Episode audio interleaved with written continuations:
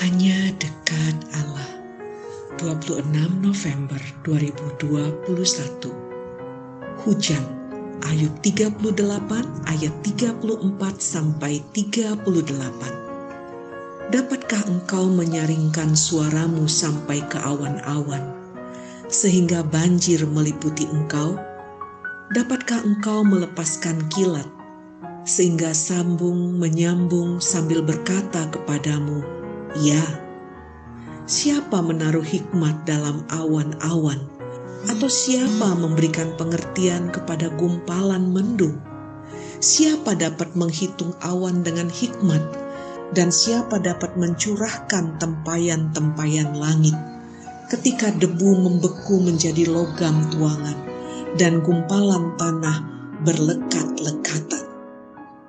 Kali ini Allah berbicara soal hujan dengan nada menyindir, Allah bertanya kepada Ayub, apakah dia mampu memerintahkan hujan turun? Jawabannya tentu tidak.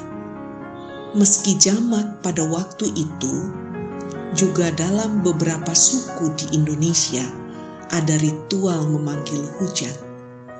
Namun, kehadiran hujan merupakan perkenaan Allah semata.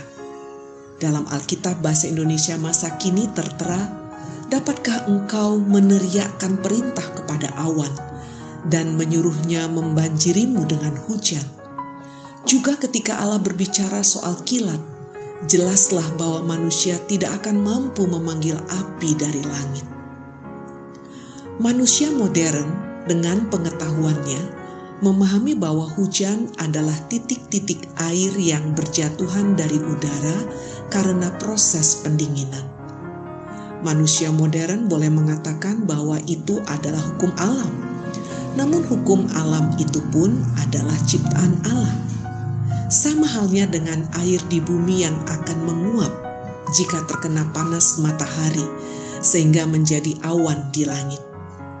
Ya, semua itu memang hukum alam. Tetapi kita boleh percaya Allah lah yang menciptakan hukum itu. Tentu saja manusia bisa membuat hujan buatan. Akan tetapi jika ditelusuri lebih jauh, itu hanyalah peniruan dari proses yang terjadi di alam semesta yang sekali lagi merupakan ciptaan Allah semata. Salam semangat dari kami, literatur perkantas nasional. Sahabat Anda bertumbuh.